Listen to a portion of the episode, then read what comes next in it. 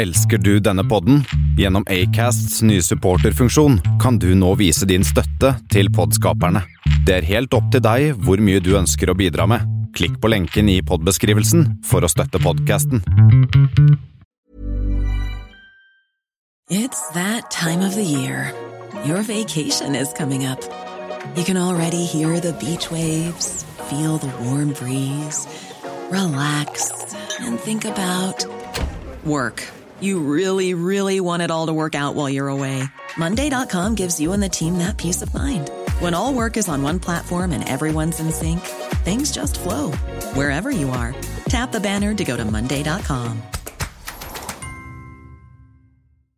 Hey, Dave. Yeah, Randy. Since we founded Bombus, we've always said our socks, underwear, and t shirts are super soft. Any new ideas? Maybe sublimely soft. Or disgustingly cozy? Wait, what? I got it. Bombus. Absurdly comfortable essentials for yourself And for those facing homelessness. because one purchased equals one donated. Wow, did we just write an ad? Yes. Bombas. Big comfort for everyone. Go to bombas.com slash ACAST and use code ACAST for 20% off your first purchase. Hei, mitt navn er Håvard Raza Natfi, og velkommen til Ikke sant. I dag så har jeg med meg en gjest som eh, jeg har sett opp til. Leo Ajkic er dagens gjest. Er uh, forfatter. En del av boka Third Culture Kids. Uh, han er en eh, programleder. Egentlig en person som ikke trenger uh, Jeg trenger mer introduksjon til folk som lytter, enn det folk trenger til deg, Leo. Jeg tror at folk har kjennskap til deg fra så mange ulike programmer, blant annet Flukt, og det siste nå med Mustafa. Uønsket. Uønsket. Definitivt. Takk, takk. Riktig. Målet med episoden i dag er jo egentlig å, å, at jeg leser, og mm. vi snakker om teksten. Mm. Eh, måten den teksten ble til på uh, den gang da, var jo også at uh, du fortalte, og jeg skrev. Og det blir uh, på en måte versjonen av det samme, bare at jeg leser, og du forklarer. Mm. Så um, før vi starter, hvordan har du det?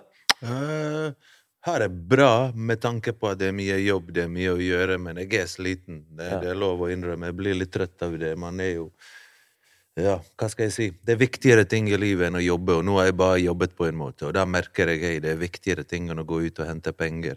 Ja. Og bare jobbe og spare penger. Men samtidig, når du føler at den jobben du gjør, kan være viktig for noen, så får Mm. man litt mer energi enn bare når man tenker på pengene. Hva jobber du med nå for tiden, da? Altså, det er litt hemmelig, ellers så okay. kan noen andre gå og gjøre det. Sant? Så okay. Nei jeg, altså, jeg jobber jo med noen TV-konsepter og, Ja. og podkast og radiokonsepter og sånne ting, men, men jeg, har, jeg har litt flere. Jeg er usikker hva jeg virkelig vil gjøre, på en måte. Mm. Men jeg har litt lyst til å overraske, på en måte, og neste prosjekt ikke nødvendigvis superseriøst. Kanskje det er litt morsomt også. Vi får Ja. se. Vi får se. Jeg, jeg er villig til å prøve forskjellige ting, på en måte. Jeg bare begynner på teksten, her, for det er jo egentlig en sånn um, Det her handler jo om oppveksten din og, og Ja. livet, så, så det er jo egentlig en bra bra, bra sted å starte for å, for å virkelig bli kjent med deg. Teksten heter 'Brorskap og enhet', uh, og jeg bare begynner å lese. Jeg ble født i et land som var noe nytt. Jugoslavia. Jeg var født og oppdratt til å tenke at jeg var jugoslav. Det er litt som å være skandinaver i dag, og ikke tenke på at du er norsk eller svensk, men at du er en del av det fellesskapet. Kanskje en ny tredje kultur. Vi hadde slagord som Nike har Just Do It, eller Burger King har Have It Your Way, eller whatever de har. Så hadde vi brorskap og enhet. Vi lagde sanger om det og dyrket det budskapet. Fram til lederen vår, som fikk det hele til, Tito, døde. Da begynte nye ledere med nasjonalistisk hat å komme fram. De splittet oss opp igjen, tilbake til forskjellene. Tilbake til serbere, kroatere, bosniere, tilbake til å være katolikker og muslimer. Foreldrene mine vokste opp under brorskap og enhet, og jeg ble født og oppdratt under det samme. Det handlet mer om at du liker Beatles, jeg liker Beatles. Da har vi noe til felles. Det var en ny kultur, for det var jo ikke så gammelt. Jugoslavia ble til etter andre verdenskrig. Eller den Jugoslavia jeg levde i, ble til etter andre verdenskrig. Okay. Jeg tror det var en annen Jugoslavia på en måte en annen versjon av samme landet etter eh, første verdenskrig, skuddet i Sarajevo og, og alt det der. Og så var det uroligheter en eller annen rar periode. Men den Jugoslavia som var under Tito, ikke med kommunisme, ikke med dette, men med titoisme, den, eh, den opplevde jeg selv om han døde to-tre år før jeg ble født. Ok. Så fortsatt, han ledet fortsatt landet etter at han døde, på en måte. Jeg husker ikke navn på presidentene da. Mm. Mange i familien gjør ikke det heller. Mm. Og eh, de samme folka som kanskje satt i fengsel når han var inne av hatytringer, av de er mennesker som kanskje Breivik har nevnt, at de er positive for et eller annet. okay. Når det kommer til rasetenking, eller et eller annet. Jeg- jeg kan ikke helt detaljert greiene, Mm. men nasjonalisme, ok, i hvert fall. 100 nasjonalisme. Mm. Så de folka begynte å komme frem og komme ut og begynne å bli forbilder for mange, og begynte å ha masse makt og innflytelse på mennesker. Mm. Og økonomi begynte, økonomien begynte å bli dårligere, og da er det lettere å få folk med på opptøyer, raseri, rett Det og slett. Det, når, når et menneske er mett og har det bra, så er det veldig vanskelig å få de til å bli med på en krig da, eller et eller annet. Mm. Opptøyer. Det er faen meg sant, ass. Og det ser man allerede mange steder i Europa, selv om det ikke er krig der. Definitivt. Jeg leser litt videre. Mm.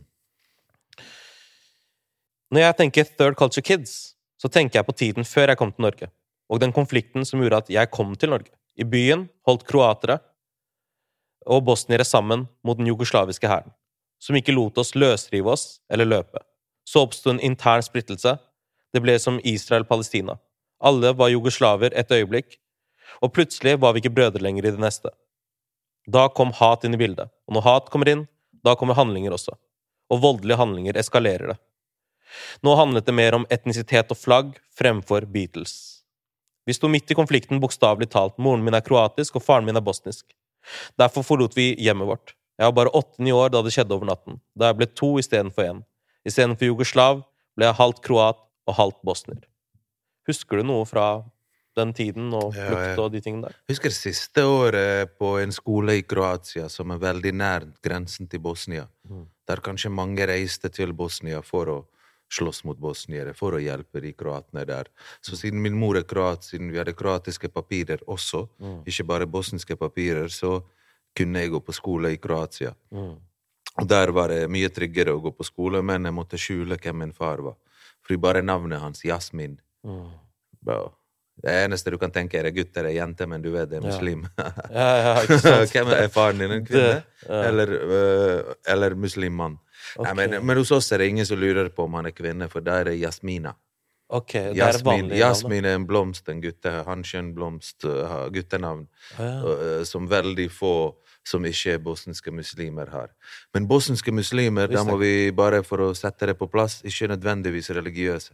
Nei. Det er mer sånn Heter du Mohammed? Å ja, det er muslimsk navn. Da er du Ja, muslim. er Det er sånn folk tenker, og det er sånn de beveger seg når det er etnisk rensing. Mm. Når det var ingen som spurte jødene i andre verdenskrig, du. Men Mm. tror du egentlig på eh, Leser og Torain? Det er navnet. Ferdig. Steinberg. Mm. Inn i konsentrasjonsleir. Mm. Og det skjer med sjiamuslimer rundt omkring i verden fortsatt. Det fins steder i Pakistan hvor de kan stoppe en buss, ta og se på eh, ID-en til alle sammen. De ser shia-navn, de sier 'kom ut av bussen'. Så det går an å høre sjianavn Ja. og, og sunni-navn forskjell? Ja, um, ikke alltid, men, uh, men, men det er veldig mange navn som, er, som shia bruker mye, mye mer. Okay, Og er etternavn, ikke minst. For at etternavnene våre er basert på hvem vi stammer fra. Oh, ja. For hos oss er det mer sånn ok, Ibrahimovic. Mm. automatisk etterkommer av Ibrahim. Abrahamovic, Mm. der må du kanskje begynne å diskutere er Abrahamovic katolsk, eller er han eh, ortodoks okay. Kristen etterkommer? Fordi Abraham Begge de to har Abraham. Men Mm. Ibrahim, det er ja, muslim. Ferdig. Ja, riktig, riktig. Tyrker. Ottomanske riket eh, Altså noen som på en måte ble Aksepterte det, på en måte. Tyrkere. Og gikk over til islam, da. Mm. Sjukt med det. Men så kom du til Norge, og videre så forteller du at i Norge opplevde jeg å måtte skape et fellesskap på nytt, som igjen var basert på brorskap og enhet, en tredje kultur. Jeg kom inn i en multikulturell gjeng et område som både var sosialt belastet og hadde asylmottak rett ved skolen, i tillegg til å ha høy eh, andel innvandrere. Jeg kom hit i 1994 og kjente ingen. Der jeg bodde, var vi kun eh, førstegenerasjons innvandrere, med mange nordmenn som for første gang skulle vokse opp med innvandrere som skulle leve side om side med oss. I mitt nabolag hadde vi dårlig økonomi til felles, også nordmenn som hadde dårlig, hadde dårlig råd. Og ikke hadde råd til sommerferier og kom fra vanskelige familier og kår. Vi fant stolthet i det å komme fra et belastet område og å være litt sånn underdogs, for det var det vi var sammen om. Det gjorde det lettere å identifisere seg med hverandre. Språket, for eksempel, i nabolaget mitt er eg, meg, deg. Ja, det er jo det. Jeg, meg, det Bergen er jo litt sånn Oslo er sånn øst-vest, og jeg kan jo ikke høre forskjell. Selvfølgelig, hvis du sier 'wallah, bror, hva skjer', så, så, så, så hører jeg deg, men typisk uh, før uh, Altså typisk vanlig norsk gutt som bor her, norsk gutt som bor der, eller utlending som bor Bærum, utlending som bor. Jeg greier ikke å høre forskjellene, men jeg føler i Bergen så er det lettere.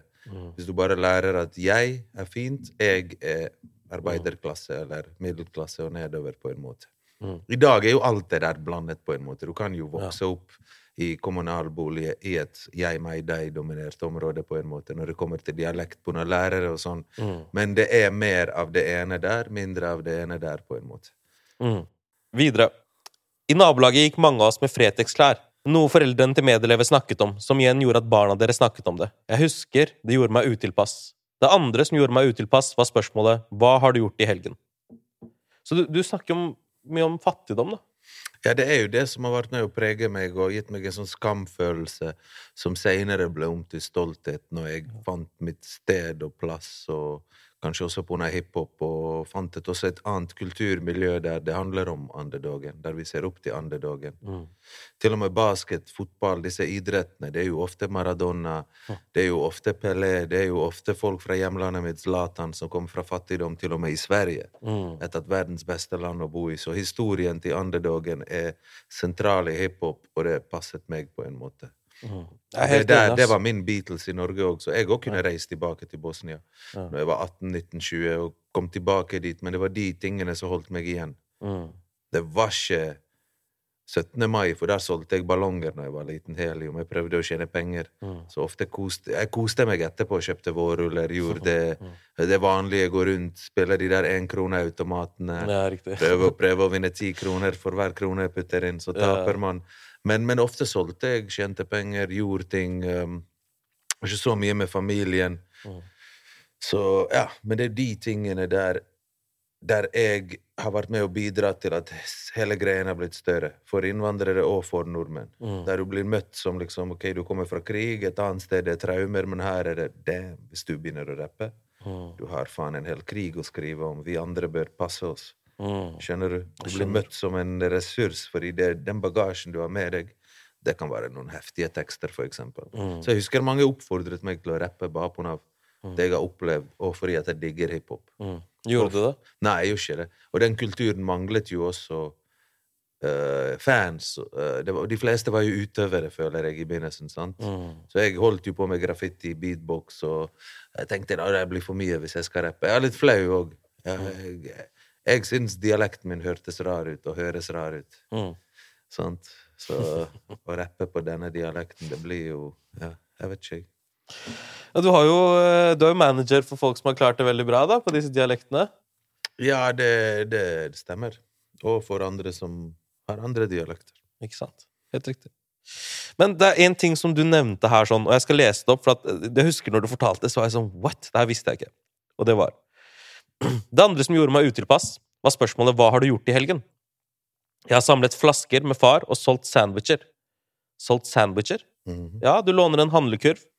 De minste. Tar ned håndtaket og fester et belte rundt håndtakene. Så kan du ha den rundt halsen. Så drar du ut med foreldrene dine i 22-23-tiden og står der til to-tre på natta og selger sandwicher. 100 rundstykker. Det var ingen som sa til oss at det ikke var lov. Vi manglet muligheter og skapte dem selv. Det var et stort sandwichmiljø, for det var vanlig i hjemlandet vårt å selge mat på gata. Mm. Og det, var jo, det er jo vanlig i Pakistan også. Ja, ja. Men jeg, jeg, kanskje jeg ikke vet om man gjorde, pakistanere gjorde det i Oslo også, men jeg føler at det er en veldig unik ting for kanskje bosnere eller Bergen. Altså, vi har bakerier som er åpne fra 00 til 24. Når er de stengt? Aldri. Her i Norge husker jeg det var potetbod med kokte poteter og pølser, og det var lang kø, mye bråk. Litt sånn som taxikøen. Derfor folk velger pirattaxi. Så vi tenkte liksom, av samme grunn som folk begynte å kjøre pirattaxi, for de ser muligheten, det er ikke nok taxier som gjør som metter markedet, Det var ikke nok nattmat. Og rett før krigen så var frityrsteker noe nytt. Så ingen okay. solgte sandwicher på gaten i Bosnia. Folk solgte pommes frites. Ja. Du tar skjøterkabel ut vinduet, litt sånn som Haralds vafler. Har du ketsjup, majones, den sausen du vil ha, på en måte. Så kjøper du noe for fem kroner, ti kroner. Ikke sånn dyrt at, som en treretter, så det er egentlig noe hygge. Mm. Dansker har et ord som heter hygge, som egentlig beskriver det. Og vi pleier å gjøre det når solen går ned, for vi har ikke den der eh, at alle skal hjem samtidig etter byen, eller at det er en sånn offisiell stengetid. Mm. Det er liksom du, du finner ikke den samme kulturen på byen. Folk begynner kanskje tidligere, gir seg tidligere, noen begynner seinere, gir seg seinere. Altså det, er- det er ikke en sånn offisiell tid man går ut på byen. Så sandwicher får man kjøpt når man vil. Hamburgere om natten, det var ikke det her, så vi tenkte la oss, la oss skape litt hygge her mens vi tjener penger. La oss mette et sultent marked. Men så, sånn som når det var mye romfolk i Oslo og Bergen, så begynte folk nesten å forby tigging. Sånn skjedde vel da òg, at politiet, Mattilsynet, begynte å liksom enten forandre regler eller si det her er ikke lov, og bli strengere. Og, og, og jage folk og jage oss vekk. Men jeg var ikke med så mye. Jeg var med en del ganger i begynnelsen, mest for å Altså, min far har sagt til meg i seinere tid, for at jeg skal se hvordan pengene blir tjent. Så neste gang jeg har lyst på noe andre barn har, at jeg på en måte kanskje må tenke meg litt om, da. For det var ikke så like lett for de å, å skaffe pengene. Og vi hadde andre som trengte ting mer enn oss i familien vår. Som trengte mat, strøm. eh, mer basisbehov som måtte dekkes. Jeg begynte å jobbe selv i en alder av eh, 13-14 år. Og det var ikke fordi faren min ville, men fordi jeg kunne høre Jeg overhørte samtaler. ikke sant? Vi har lite penger. Jeg skjønte det veldig fort. Mm. Og uh, det var jeg som maste om å jobbe på restauranten til liksom, onkelen min. For at det var noe med meg som jeg tenkte jeg har ikke lyst til å spørre dem om penger lenger. Det er veldig rar ting å oppleve i en alder av 14 år. For det er ikke sånn Jeg tror ikke det er vanlig for 14-åringer å Ja. ville begynne å jobbe.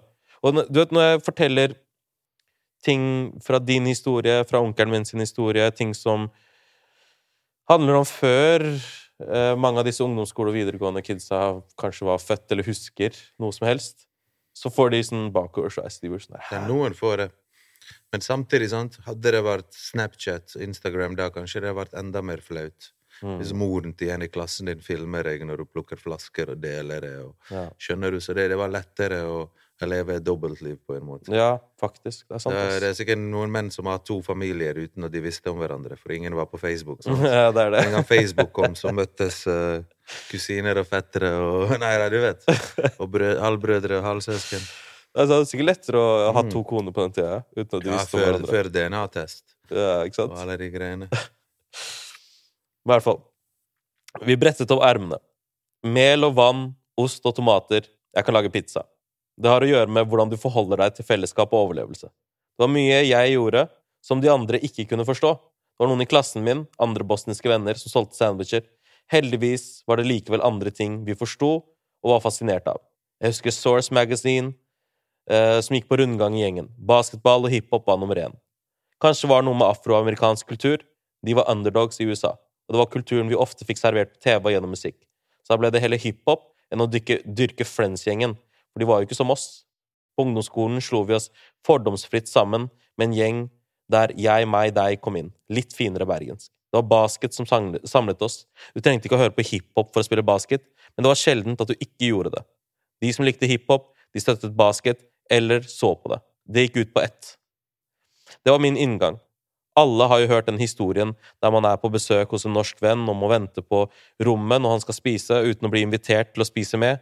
Jeg ville forandre og gjøre noe med disse tingene. For jeg vet at det er valgfritt. Det er ikke norsk verdi å ikke dele mat, så jeg ville vise hvordan vi gjorde ting. For jeg var stolt av det å dele. Så jeg gjorde det. Selv om jeg ikke hadde mer enn andre, noen ganger mindre, trengte jeg aldri å si fra før at jeg skulle ta med en venn hjem. Det vi har, det deler vi. Det er ikke sånn at mamma lager mer, bare at porsjonene blir litt mindre. De fleste har sett bombebilder og krig fra der vi kommer fra. Jeg ville vise dem solen og det fine. Mm. Jeg synes at det er en Det er en sånn type ting som um, altså Jeg har liksom basically fulgt med på deg siden du kasta en katt fra en veranda Ja, til i dag. Og, så, og liksom Jeg vet at med tiden så At det starta med litt sånn enkle, litt sånn morsomme ting, men at du har tatt en vending i å virkelig Mm. gjøre det du sier her, sånn, da. At du viser folk en annen side av ting. Ja. Og um, videre så sier du også at de fleste ser for seg at det regner og er grått i Øst-Europa, og gamle damer som griner.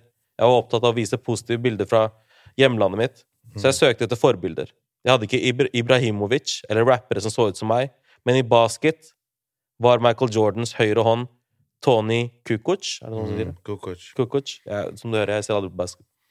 Det gjorde at jeg hadde for forbilder gjennom basket som jeg kunne vise til vennene mine, som de kunne kjenne igjen. Mm. Var det de eneste forbildene?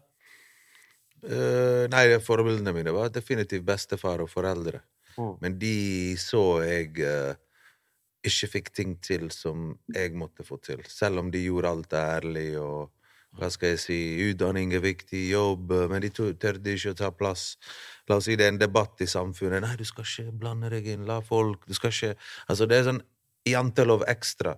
Ok. Ikke uh, Jantelov pluss. ja, her er det jantelov, her skal ikke man skille deg ut, men Mm. du som utlending bør trekke deg litt tilbake. Liksom. Når det først er en samtale, når det først skjer ting, Mm. så skal ikke du ta plass. Og når først noen gjør det bra, så må du gjøre det bedre. Da er du lik, på en måte. Jeg har hørt den så mange ganger.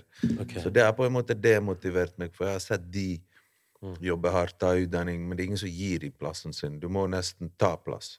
Mm. Kanskje du, det er ingen som kommer og bare 'Å, nå har du vært flink, jeg har sett deg'. Mm. Nå blir du sjef her. Eller nå får du en bedre stilling.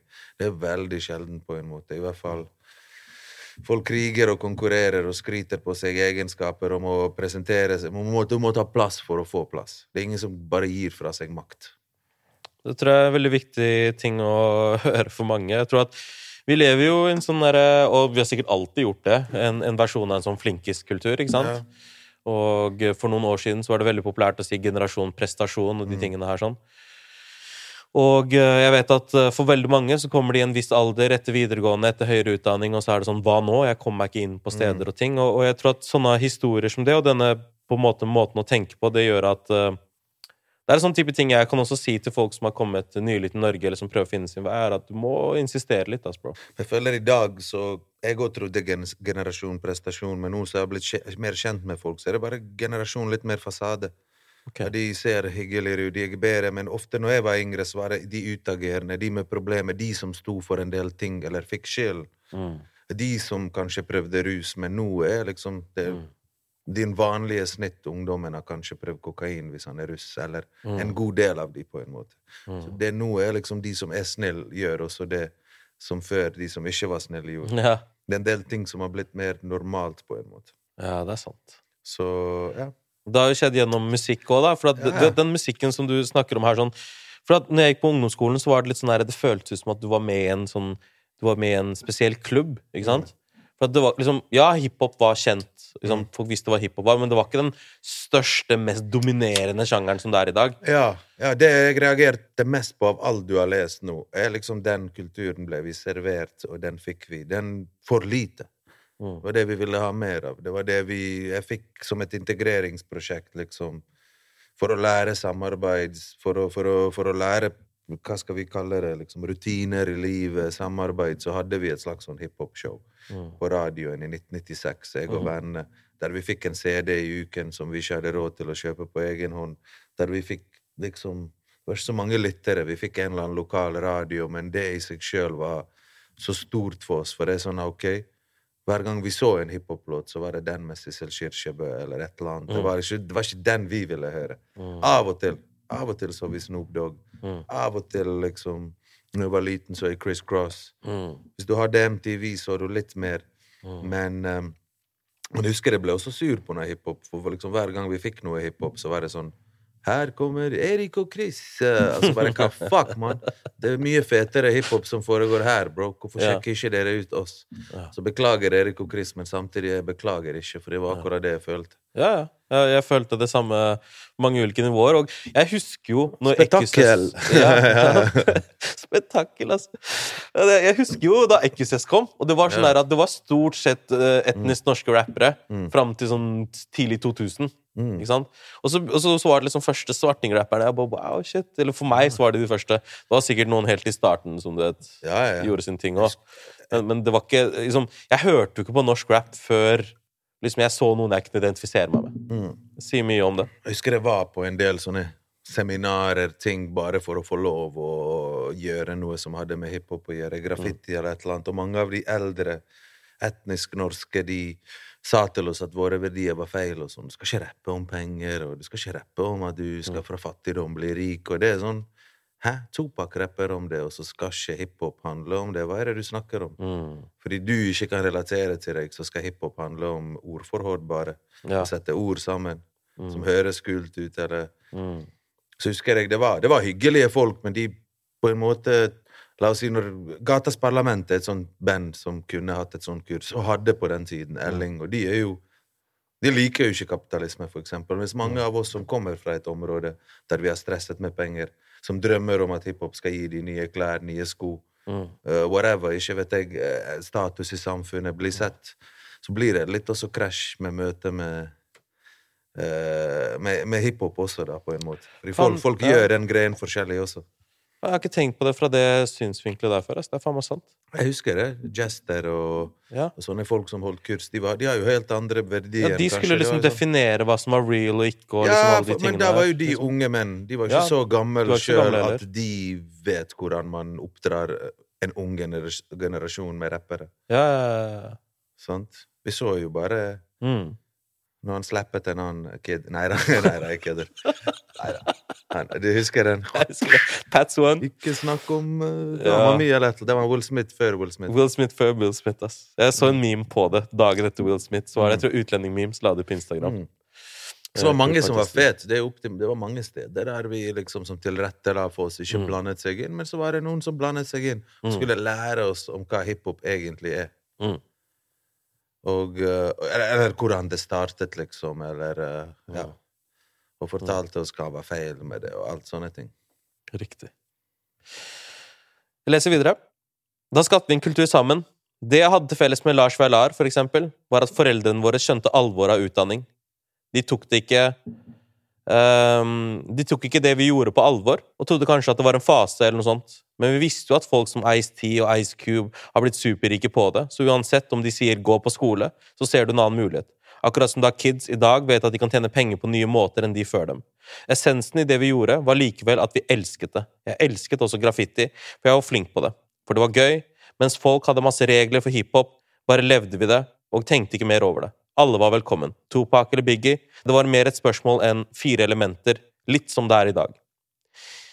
Eh, Og det er jo basically det vi nettopp snakka om. Ja, for jeg kom fra Tupac Biggie og prøvde å passe inn i de fire element-greiene, og jeg var ofte et slags bindeledd mellom de fra fire elementer og de Tupac, så jeg kjente begge, og jeg merket blant liksom Jeg skal ikke si media på den tiden, men blant de etablerte og sånn. Det var jo noen Jeg husker det var grupper fra Oslo som kom til Bergen, og det var sånn Nei, det er ikke hiphop, ikke gidd å gå der. Nesten sånn en felles en sånn De er ikke Mm, De er ikke det. Og det er egentlig folk som burde vært det. mm, Og sånne grupper som Oslos Most Wanted, husker jeg, og folk hatet på de som faen.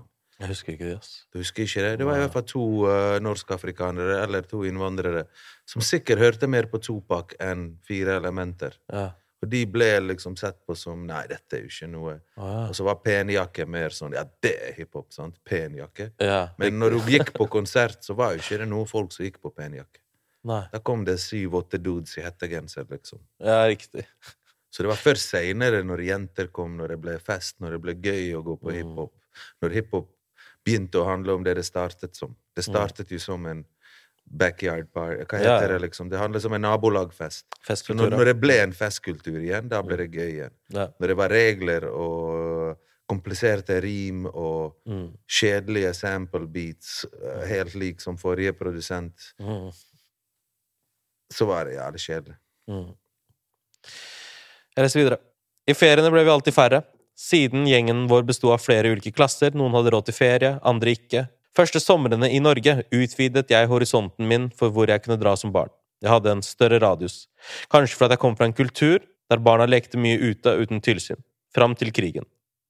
Så jeg reiste heller rundt i min egen by. Vi gikk rundt for å øh, finne flere å spille basket med, eller bli kjent med. Vi måtte bli kreative, vi som var igjen. Iblant ble det småtrøbbel. Vi hang ved kaia og prøvde å tjene penger. Når man kjeder seg, så finner man på dritt. En fyr som var veldig sentral for integrering i Bergen, så det behovet. Vi hadde ikke, eh, vi hadde ikke det alle andre hadde, så han arrangerte båtturer og hytteturer. Jeg fikk to sommerturer. En fra Bergen til Oslo, og en til Trondheim, som begge varte i sju dager. Det var to voksne og 16 barn. Det var minne for livet. Men det viktigste han gjorde for, oss, for meg, var å gi meg et radioprogram. Hiphop på lokale frekvenser. Vi fikk én-to CD-er til å spille på lufta hver uke. Vi hadde ikke råd til skiver, vi delte på musikken. Dette var eh, pre-internett. Han fikk oss til å gjøre intervjuer og lage lokale reportasjer og lære journalistikk for å beholde programmet, som en lekse. Det var premisset for å få programmet. Vi fikk et insentiv for å lære. Det var stort for oss å ha et hiphop-program, og på den tiden så var det kanskje én rap-låt på topp 20, og hiphop var ikke representert. Vi hadde ikke hørt om National Rap Show, og jeg vet ikke om det eksisterte da. Det hjalp oss til å lage vårt eget miljø og organisere det. Mm. Men hva, hva, hva het han, hvem var han fyren? Yngve Træland. Han jeg snakker med han fortsatt i dag, og husker liksom fellesnevneren var at eh, en av de som var med i originalgruppen Freakshow Mm. Før Freakshow var Freakshow. Ja, det var mange forskjellige navn, liksom. Jeg husker ikke alle navnene engang, liksom. Uh, hadde sagt liksom Jo, han er kul, liksom. Mm. Ok. Han, moren hans eh, Moren min var sammen med han, og vi besøkte han. Han satt i fengsel. Og vi bare Yeah, han satt i fengsel. Wow, okay. Han, han kan jo jobbe med oss. Ja. Hva satt han i fengsel for? Nei, han demonstrerte mot Palestina, for Palestina eller et eller annet og bare tok helt av. Og Han var en, liksom, en som sto, eh, sto for eh, en del ting. Og ja, han var en sånn sosialist og hva skal vi kalle det? En Aktivist. aktivist, sosialist, en cool fyr. Mm. Jeg sier ikke ja. Ja, Jeg sier jo ikke at liksom Jo, jeg sa jo det. Nei, men han var en ikke sosialist sånn med tenk, tanke bare på pengefordeling, det er han sikkert òg, men en som liksom tenker på fellesskapet, da. Ja. Han var ikke der, og det føltes ikke som han fikk betalt for å være med oss. Det føltes som om han brukte veldig mye av fritiden sin til å være med oss, snakke med oss, se oss, spørre oss. Og han var den vi, som var mellomleddet mellom oss og kommunen, skolen. Så vi på en måte han, han ble kjent med oss, og så kunne han ta det videre og kanskje skaffe de tingene til oss. Så Hadde der- du ja. følt at du hadde vært på samme sted uten en sånn person? Kanskje ikke alle trenger noen eller en eller annen til å, til å sette i gang noe, til å jeg, jeg tror jeg fortsatt drevet med hiphop. Det var bare at liksom den Da skjønte vi wow, vi kan ha eget radioprogram. Da kan vi lage egne konserter. Da kan vi liksom på en måte ha eget Altså, det gir jo en slags mestringsfølelse, som jeg sa der, og, og, og det gir mersmak, på en måte. Mm. Og ungdom på den tiden var jo sulten på disse tingene, på en måte. De fleste festene vi hadde, det var jo ganske godt oppmøte og sånn. Mm. Det var først seinere, når visse artister skal bare brande seg sjøl, at det kan gå dårligere. Eller, men når det var i sånn miljø, jams og fire-fem artister og sånn Det er det som ikke er populært i dag, det var populært før, på en måte. Nå er det én og én konsert som, der folk skiller seg og gjør sin egen ting. Ja. Der var det liksom 2000 kroner på hver. eh, og uh, det var mer en sånn ideologi, liksom. Det handlet mer om festen. Nå, nå er det blitt business på ekte for mange. sant? Mm. I Larvik så hadde vi en brannstasjon som var lagt ned. Så i gamle brannstasjonen så dro jeg på mitt første hiphop-jam. Jeg husker liksom uh, Det var jævlig weird, for folk sigga inne og sånn, så det var jævlig smoky der inne. Jeg, jeg, Hvilket år var det? Åh, hvor gammel var jeg da? Jeg var sikkert 13 år. Jeg er født i 89, så tidlig 2000. Ja, okay, for jeg husker Larvik hadde et miljø. Jeg husker sånn MC Optic, DVD. Ja, for det var sånn to ganger, H, to ganger H-festival. Så jeg husker Larvik ble sett på som litt sånn hippie-rap, eh, rasta, Quick Lunch-sted. På en måte. Det, det så ut som reggae, Quick det Lunch-sted, eller? Ja, det var helnorsk, men det bare var litt dreadlocks i Ja. bildet. og litt sånn. Ja. Og, og av, av liksom sånn Ja, vi husker Vi så jo opp til dem, da, fordi de var jo de eldre rapperne i byen. Vi hadde jo ikke noen andre liksom sånn ting å liksom assosiere med det. Vi hadde jo King Size Magazine, og vi visste ting som skjedde i Oslo og sånn.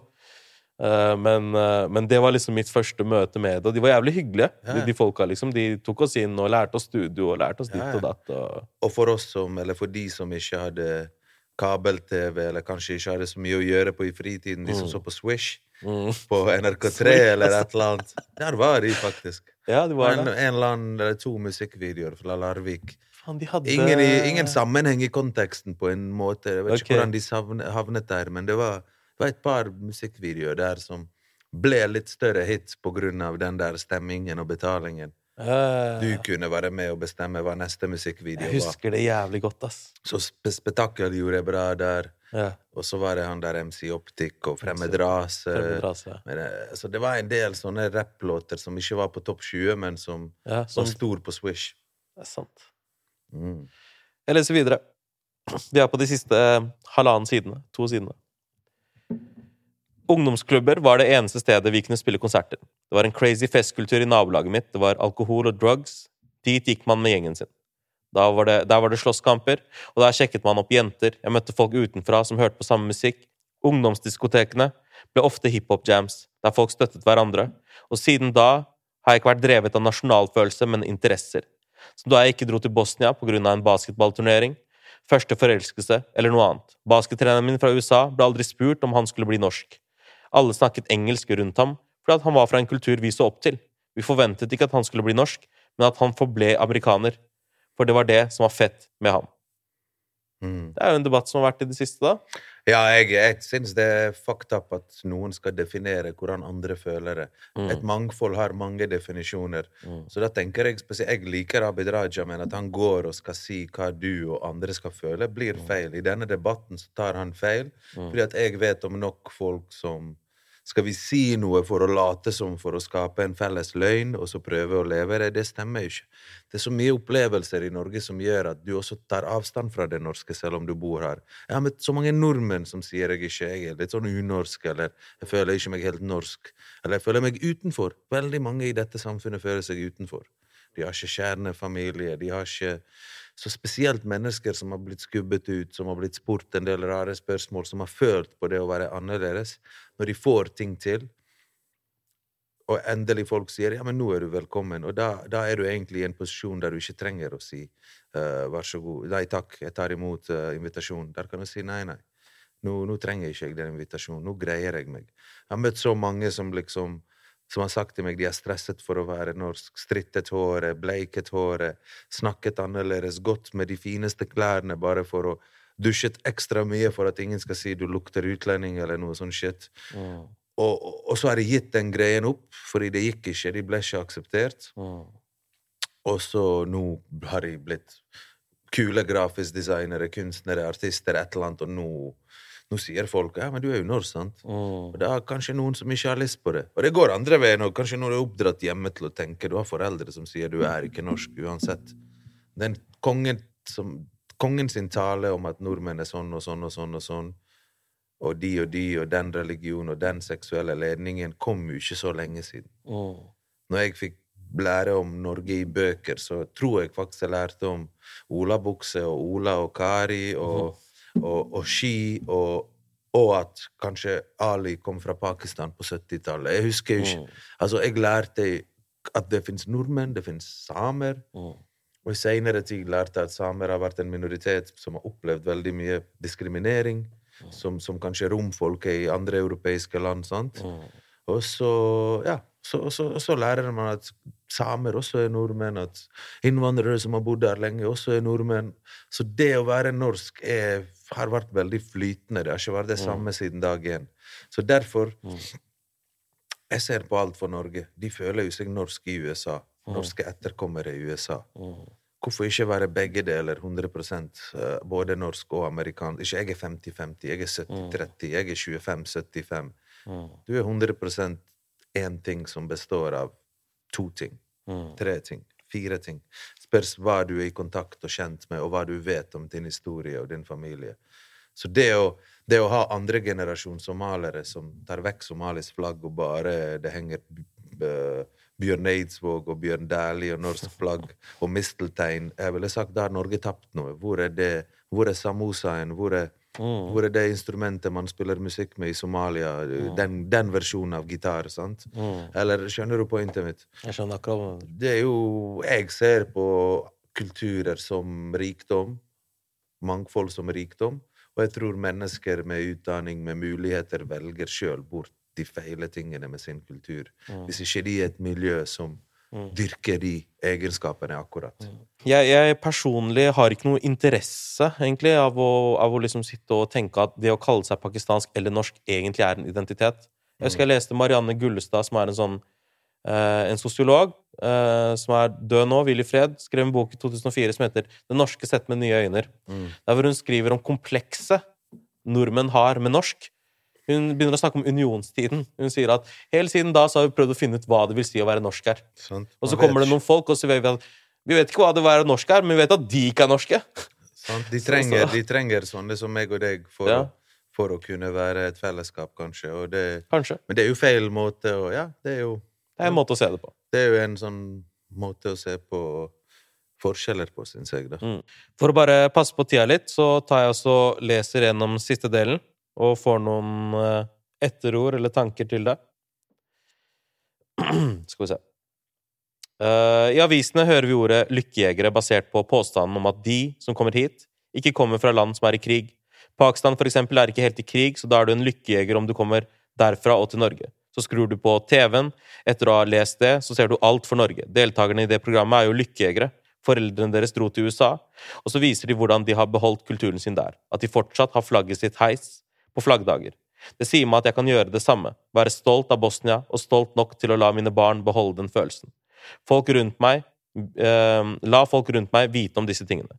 Jeg er vant til å ikke bli pushet i en bås. Som at de er riktige og de er feil. Til og med under krigen, da jeg var sint på en viss etnisk gruppe, så pekte min mor ut enkeltindivider fra den gruppen som gjorde positive ting, sånn at jeg ikke skulle hate eller tenke at én gruppe eller én religion er dårlig. Det har å gjøre med fundamentet jeg har fått før jeg kom hit. Det har å gjøre med oppdragelse. Jeg er fra blandet ekteskap og oppdratt til å velge min egen vei. Hvis jeg spurte foreldrene mine om Mohammed eller Jesus, hvem har rett, så sa foreldrene mine finn ut selv. Jeg fant aldri ut det heller, på en måte. Derfor har jeg aldri vært opptatt av å bli kalt norsk. Kall meg norsk-bosnisk, bosnisk-norsk, bergenser, whatever. De som får problemer, er de som tror at de må velge én side. Jeg har sett mange i førstegenerasjonen som bleiker håret, nesten går med blå kontaktlinser for å passe inn. De finnes. Og så har du de andre, som trekker seg helt tilbake til sin egen kultur. Kanskje de ikke har blitt invitert i begynnelsen, og så, tro, og så har de bare dyttet seg selv lenger unna. Noe jeg tror alle kjenner seg igjen i. Kanskje du får avslag på, jobber, på noen jobber, finner en gjeng og blir der. Og så blir det oss mot dem. Det er derfor jeg liker nabolaget mitt, som var blandet. Jeg tror det er viktig, for isolasjon skaper distanse. Jeg har måttet være modig. Jeg måtte ikke bare lære å si hei, men også ha det. Jeg var vant til å møte mange folk, fordi vi flyttet mye. Jeg ser at mange unge er bekymret generelt, og jeg skjønner presset deres. Foreldrene dyrket kun utdanning, det er sånn du skal greie deg, sa de. Jeg ser at foreldrene mine ikke tør å velge den beste muligheten, men den mest åpenbare. For de er ikke vokst opp med privilegiet. De er fra en annen tid. Men du er privilegert, og du har muligheten. Du har muligheten til å vente litt og tenke litt. Noen ganger må du ta en jobb for å komme deg til et visst sted, som foreldrene våre. Jeg har jobbet som søpp med søppeltømming, avfetting og mye med hendene. Catering og hotell og vaskehjelp. Det var på gatesalg jeg tjente mest, for jeg var utadvendt. Jeg ble forfremmet til firma B2B-salg. Da fikk jeg ingen salg, for da hørte de kun stemmen og navnet mitt. Så da var det tilbake til vaskehjelp. Det tok tid før jeg fikk en stol å hvile på. Et annet tips er hør på foreldrene dine, som ikke alltid har rett. Spesielt når vi har foreldre fra en annen tid eller et annet sted. Kanskje du kjenner tiden du er i, og stedet du bor, bedre. Jeg kommer fra et sted der det ikke er så fett å ta opp lån, men i Norge kommer du ikke inn på eiendomsmarkedet uten lån. Her må du det. Noen ganger har du selv rett. Det er bra ord, da, bro. Bra Ja. tips. Jeg merker det er rart at jeg tenker jo fortsatt helt likt, fordi jeg husker jo ikke teksten. Nei? Men alt det vi snakket om, kom senere i teksten. Hver gang du leser noe før, så tenker jeg sånn Det du leste før, før jeg nevnte Alt for Norge, det var det første jeg tenkte på. Se på de nordmennene i Alt for Norge. Mm. Jeg er jo stolt over at de fortsatt er norsk. Så på en måte det har skjedd nå fire ganger at vi snakker om noe, Mhm. og så leser du det rett etterpå. Så ja. jeg føler jeg er Jeg står for det der, liksom. Det er, det er ekte for meg, på en måte. Mm. Jeg har tenkt på det lenge. Ofte har jeg ikke tenkt nok på det, men når jeg har blitt eldre og sett på ting, snakket med foreldrene, gått gjennom ting, så er det det jeg sitter igjen med. Det er fint å møte sine egne holdninger av en tekst man ikke husker lenger. Ja, ja, og vite at man fortsatt føler det samme.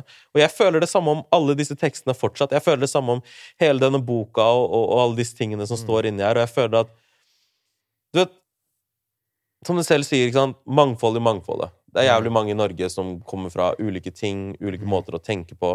Og hvis jeg skulle lagd denne boka her sånn med bare én historie, eller min historie, Mm. det hadde ikke vært et bra nok portrett. Eneste måten for meg å vise fram det flerkulturelle Norge på, og hvordan folk tenker, og hvor komplekst og forskjellig det er, er å få fram disse historiene. Og det er 29 ulike mennesker med i denne boka, og det er en grunn til det. Ja, det er en grunn til at uh, jeg ville sidestille historier om gjenger like mye historier som eh, Tanita som bor i Norges minste bygd og opplever bare koselige Ja, ja. ting og opplever ikke rasisme før hun kommer til storbyen. ikke sant? Ja, altså, jeg også forstår Abid Raja sin kamp. Kampen i å Mm. bli godtatt, kampen om å liksom være norsk, kampen om Det kunne vært kvinnerettigheter, kampen om likestilling. Det er ofte det samme. Mm. Så det, og da skjønner jeg at han føler nå når vi har kanskje på vei til likestilling, så er det noen som sier 'hva skal vi med likestilling'? Jeg vil Mm. Ikke ha likestilling, jeg bryr meg ikke, jeg kan være en Men det er jo ikke det. Det er jo liksom feil at liksom det å føle seg norsk er målet. Målet er å føle seg som et menneske som at du har plass i samfunnet Ja. ditt. Fordi han amerikaneren jeg snakker om, han fins nå i dag også. Det er han Mm. buss-Rob. Hva heter han fyren? Norway Rob? Kjører Eh, buss. En amerikansk bussjåfør. Han kommer mer og mer på TV. Okay. Vi vil at han skal være amerikaner. Ja. Og når han snakker norsk, så elsker vi at han snakker sånn. Altså, Du skjønner poenget? Vi digger det, liksom. Jeg skjønner akkurat Vi elsker, vi ser opp til Vi har importert Black Friday, Hollywood Nei, ikke Hollywood, men Halloween, som er Hollywood. Kunne Mm. godt kalt det Hollywood. Jeg bruker halloween også i, i skoler. Jeg sier at du er omringa av andre kulturer. Ja, ja. Og noen ganger så tar vi andre kulturer inn, og så tenker vi ikke over at dette truer vår norske identitet. Mm. Men når det kommer fra andre steder, så er det, er det, er det nettopp det vi er bekymra for. Så det er veldig sånn selektivt, de tingene vi sier, og, og så videre. Jeg forstår på en måte Abid Raja. Jeg forstår at han prøver å si at det å si til noen at jeg er ikke en del av samme gruppe som deg, Mm. Ja. er en måte å ta avstand på. Jeg forstår det, men det er din kamp. Men det er din ikke kamp. Vår, vår kamp er noe annet, kanskje. Det er det. Vår sant? kamp er kanskje å komme seg ut av det og også få lov å være mer enn bare norsk. Ja, det er akkurat det. Jeg har tenkt det som Da jeg drev med rap en gang i tida, jeg vil være noe mer enn bare en rapper. For det ble en stereotype for meg. Det ble sånn, Hvor mange smartinger er det som ser ut som meg som skal rappe? Hvor mange skriver bøker, manus, er på TV osv.? Så, videre. så for meg da så å, å, se en generasjon som vokser opp med deg på TV, jeg ser av forfattere, jeg ser av folk som er med i denne boka, så blir jeg ganske glad for det. Jeg, jeg syns jo at det er litt trist når folk som Fawad, eller Faten, som også uh, er med i en episode før det her, sier at 'jeg har opplevd å bli utstøtt så mye at fuck alt det her'. Jeg gidder ikke å være en del av det. Og det argumentet ser jeg også. Og det? Fordi det vi snakker om, er å ville være noe mer. Jeg har også vokst opp med hiphop så tett at jeg var liksom noe mer enn bare norsk. eller så mer enn bare det. Så jeg tror ikke at man trenger å kalle seg det ene eller det andre. Som du sier selv, det er de folka som tror at de må velge det, som havner i trøbbel.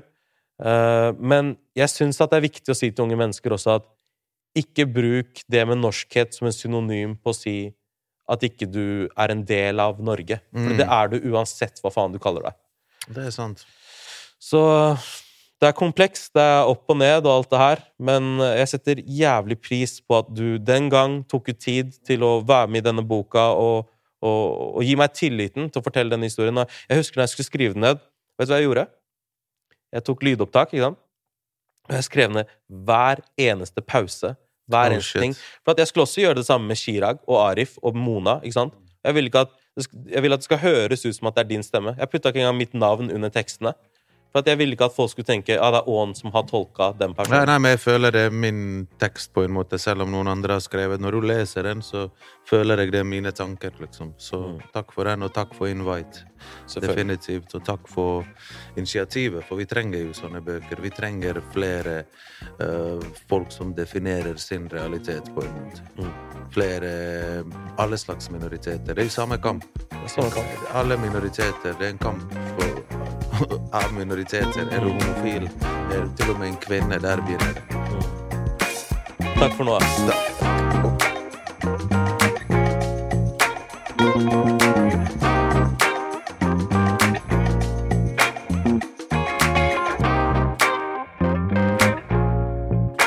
Normally,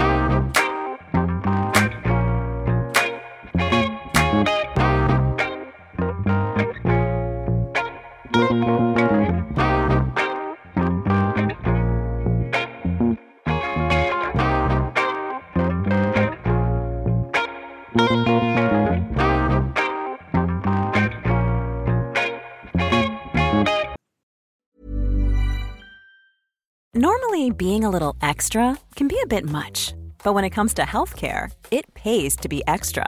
And United Healthcare makes it easy with Health Protector Guard fixed indemnity insurance plans. Underwritten by Golden Rule Insurance Company, they supplement your primary plan, helping you manage out of pocket costs without the usual requirements and restrictions like deductibles and enrollment periods. So when it comes to covering your medical bills, you can feel good about being a little extra. Visit uh1.com to find the Health Protector Guard plan for you.